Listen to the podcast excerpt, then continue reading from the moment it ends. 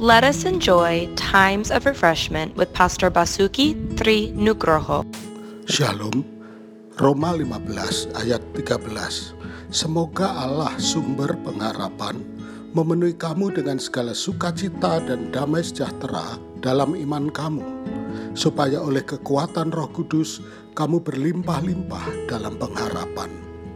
Sudah diketahui umum bahwa emosi dapat memiliki pengaruh yang sangat besar pada tubuh kita, dan kondisi tubuh kita bisa mempengaruhi emosi kita.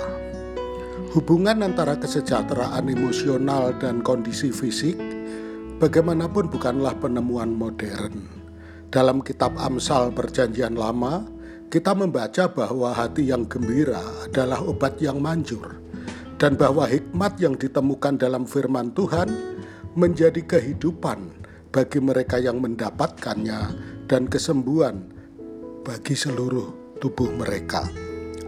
Amsal 4 ayat 22 Hubungan yang tepat dengan Tuhan dan firman-Nya dapat bermanfaat bagi kita secara rohani, fisik, dan emosional. Perhatian utama Injil adalah membawa kita ke dalam hubungan yang benar dengan Tuhan melalui iman di dalam Kristus. Produk sampingannya yang diberkati adalah kehidupan yang berkelimpahan, yang dipenuhi dengan harapan yang meningkatkan kesehatan, jaminan pengampunan total atas dosa, dan kehidupan kekal bersama Kristus. Tuhan memberkati.